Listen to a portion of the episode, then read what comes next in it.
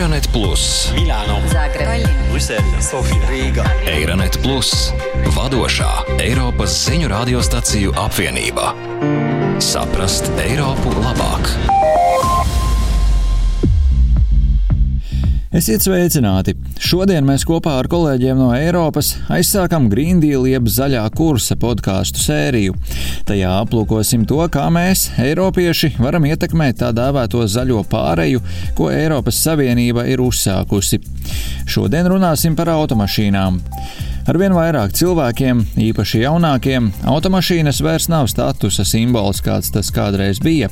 Tas lielā mērā ir saistīts ar slikto reputāciju siltumnīca efekta gāzu emisiju dēļ, jo autotransports pēdējos gados ir radījis gandrīz 30% no Eiropas Savienības kopējām emisijām, un privātās automašīnas veido gandrīz divas trešdaļas no šī skaitļa. Vai automašīnas drīz varētu kļūt par pagātni, vai eiropieši tiešām var atbrīvoties no auto atkarības un izvēlēties nekaitīgākus transporta veidus, piemēram, velosipēdus? Dosimies ceļojumā un uzzināsim! Eiropas Savienībā tendence rāda, ka cilvēki nesteidz iemācīties braukt jau agrā vecumā. To ietekmē vairāki faktori, tostarp ētikas un vidas jautājumi, veselības un dzīves kvalitātes apsvērumi, pieaugušās automašīnas izmaksas un jauniešu vēlme novirzīt savus ierobežotos ienākumus mājokļa iegādēji. Andrejs Burgles, sociologs un ilgtspējīgas mobilitātes pētnieks no Slovenijas, runāja ar mūsu kolēģiem no Slovenijas Radio Sī. Je pa bolj zanimiv pogled mogoče na generacijo milenijcev, Y.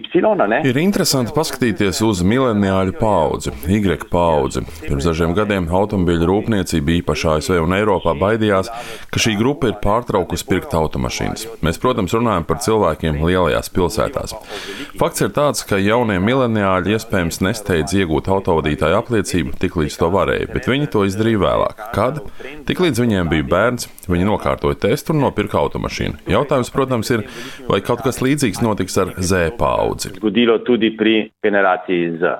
Taču, lai gan daudzi jaunie eiropieši atsakās no automašīnas iegādes vai ar to nesteidzas, vecie ieradumi neizzūd. Itālijā jauniete Eloisa Radio 24 atzina, ka daudziem itāļu jauniešiem braukšana joprojām ir līdzvērtīga brīvībai. Ho preso la patente appena compiuti 19, quindi ho fatto tutto l'iter. Vadītāja apliecību saņēmu tik līdz man palika 19 gadi, tāpēc visus šos soļus tiesību iegūšanai izgāju 18 gadu vecumā. Tātad, jā, tik līdz sasniedzu pilngadību, sāku procesu, lai iegūtu auto. Kāpēc? Neteiktu, ka man vajadzēja auto šī vārda tiešajā nozīmē, jo dzīvojot Milānā, vienmēr esmu varējis ātri un ērti pārvietoties, izmantojot sabiedrisko transportu. Tas, ka man bija viss pie rokas, nebija jābrauc vairāk par pusstundu, lai nokļūtu tur, kur vēlējos, nepadarīja automašīnu par vajadzību manam dzīvesveidam. Tomēr, kad man apritēja 18 gadi, man tāpat kā lielākajai daļai manu draugu, radās neatlaidīga vēlme nokārtot braukšanas eksāmenu, jo jauniešiem ir vajadzīga neatkarība, un automašīna ir tās simbols. 18 gadus vecam jaunietim, man, tas bija tā, tik līdz tu iemācies braukt, tu iegūsti neatkarību. Ja es vēlos, kur doties ar draugiem nedēļas nogalē, es varu to izdarīt.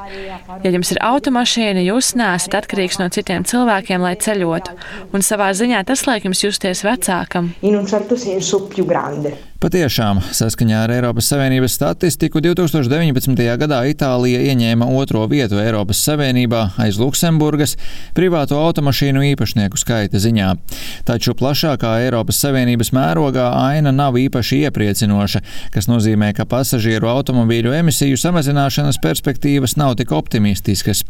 2021. gada septembrī publicētie Eiropas Savienības dati liecina, ka kopumā privāto automašīnu īpašnieku skaits pēdējo piecu gadu laikā ir palielinājies gandrīz visās dalībvalstīs, un automašīna joprojām ir dominējošais transporta veids Eiropas Savienībā. Taču šķiet, ka jau sākušās lēnas un vienmērīgas pārmaiņas. Nepieciešamība dekarbonizēt transportu Eiropas Savienībā tiek uztverta ļoti nopietni un tiek plānots virzīties uz mazāk kaitīgu mobilitāti pilsētās, vienlaikus uzlabojot savienojumus attālākos apgabalos. Vācijā Dženijas Mencelas piecu cilvēku ģimene, kas 2018. gadā atteicās no savas automašīnas, ir pierādījums tam, kā attieksme mainās. Brīdī, kad viņiem patiesi ir nepieciešams četru riteņu transporta līdzeklis, viņi izmanto automašīnu koplietošanas platformu. Intervijā ar mūsu Vācijas kolēģiem Mencela saka, ka cilvēki sev uzliek pārāk daudz psiholoģisku barjeru un tās neļauj viņiem atteikties no automašīnām. Der große Punkt, der uns halt das Umsteigen, das freiwillige Umsteigen un das Abschaffen des Autos. Galvenais, kas mums apgrūtināja labprātīgu maiņu un atbrīvošanos no savas automašīnas, bija tas, ka mēs to pat nevarējām iztēloties, ka ar bērniem tas ir iespējams. Mēs vienmēr sacījām, ka tad mums būs jānēsā līdzi bērnu auto sēdeklītis, un tad, ja mums būs jāiet pie ārsta un līst lietus, kā mēs to darīsim? Kad pēc avārijas bijām spiesti atteikties no automašīnas, ka tā pēc avārijas vairs nebija lietojama, redzējām, cik labi tas patiesībā strādā un kādas priekšrocības tas sniedz. Mēs tās nekad iepriekš nebijām redzējuši. Ir tiešām lieliski, ka var izvēlēties to auto, kas tev tajā brīdī ir vajadzīgs. Var teikt, ka šodien es gribu braukt ar elektroautomašīnu, bet šodien es varu dabūt autobusu. Jūs šīs lietas neapzināties, kamēr jums ir automašīna un kad domājat par to, kā no tās atbrīvoties. Un arī šī brīvība, ko jūti, kad vakarā vairs nav jāmeklē stāvvieta.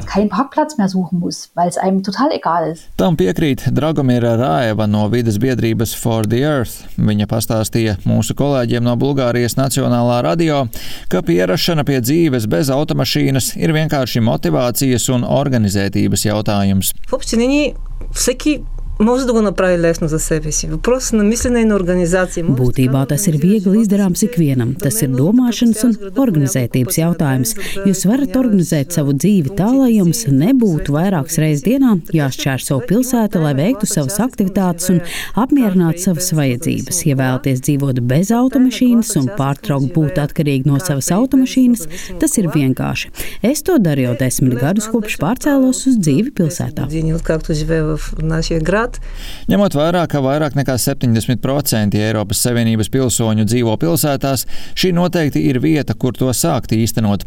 Tomēr ir daudz citu cilvēku, kuri dzīvo attālākos apgabalos un kuriem katru dienu jānokļūst darbā.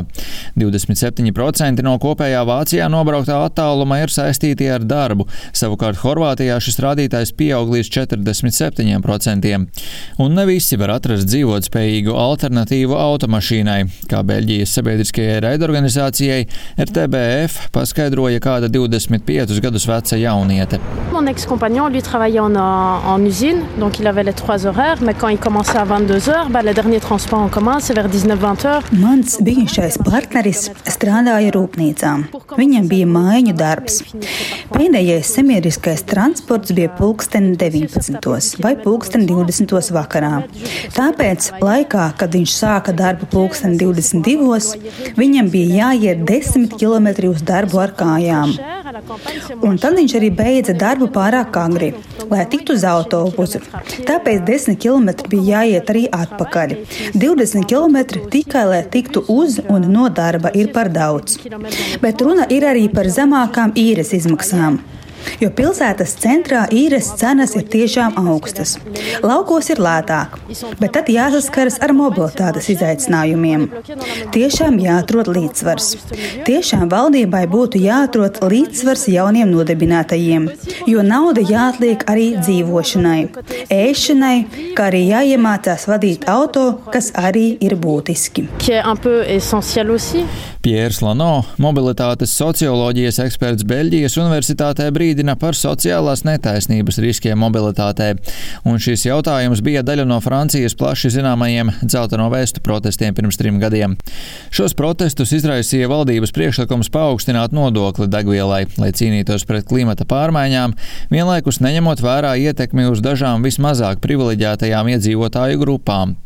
Lano runāja ar mūsu kolēģi no Beļģijas raidorganizācijas RTBF. Ceux qui ne peuvent se passer de la voiture, on sait que souvent c'est des Cilvēki, kuri nevar iztikt bez sava auto, kā zināms, bieži vien ir tie, kuriem īsti nav iespējas izvēlēties savu darba vietu, darba laiku vai dažreiz pat dzīves vietu. Lētākais mājoklis nevienmēr ir vispieejamākais tiem, kam nav auto, un mēs redzam arī to, ka cilvēki ar augstākajiem ienākumiem, augstākajiem amatiem darba pasaulē ir arī tie, kuriem ir visvairāk iespēju pārvietoties, piemēram, ar dienesta automašīnu, vai tiem pienākas pilna atlīdzība par transporta izmaksām.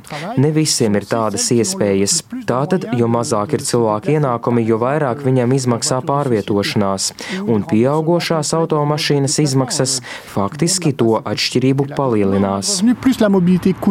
Polija pēdējos gados ir piedzīvojusi ievērojamu automašīnu izmantošanas pieaugumu, jo īpaši tāpēc, ka daudzas teritorijas ir vienkārši pārāk attālas, lai tās varētu nosegt ar sabiedrisko transportu.